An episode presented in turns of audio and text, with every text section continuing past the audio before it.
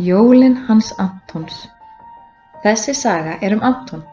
Hann er lítill jólaálfur sem vildi halda sín eigin jól án fjölskyldunar af því að hann vildi ekki deila með öðrum. Hann vildi ekki deila hrísgrunagrautnum, ekki jólatrínu og ekki jólagjöfunum. En heldur þú að það hafi verið góð hugmynd hjá Antoni? 20. og 3. desember Anton heldur á silfurbjöllunni í höndunum þegar hann vaknar næsta morgun. Hann veltir bjöllunni í höndum sér og hugsar. Það er erfitt að viðurkenna að honum hafi skjáttlast. En það eru bara jól einu sinni á ári og hann verður að komast heim til að vera með fjölskyldu sinni. Hann brosir breiðu brosi þegar hann hefur tekið þessa ákverðin. Ég ætla heim og halda jól, hrópar hann gladur. En Hvar er nú húfan mín? hugsar Anton.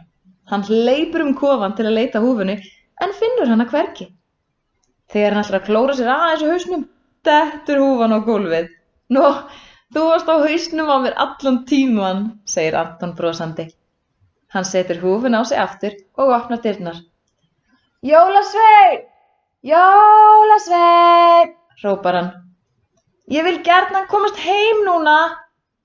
Hann hringir silfurbjöllunni og hlustar svo. Hann heyrir engan þyt í sleða jólasveinsins.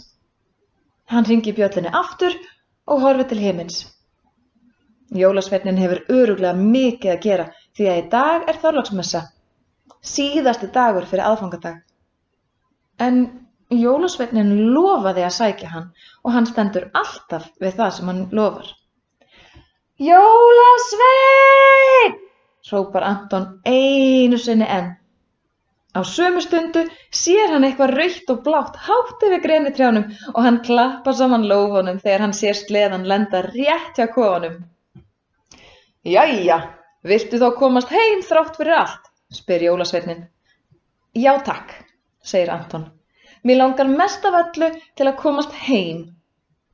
Anton klifrar upp í sleðan og Jólasveitnin hvetur hreindirinn af stað. Anton fær fiðring í magann þegar þeir svífa á stað áleiðis heim til mömmu, pappa, Alfreðs og allra dýrana heima á bænum.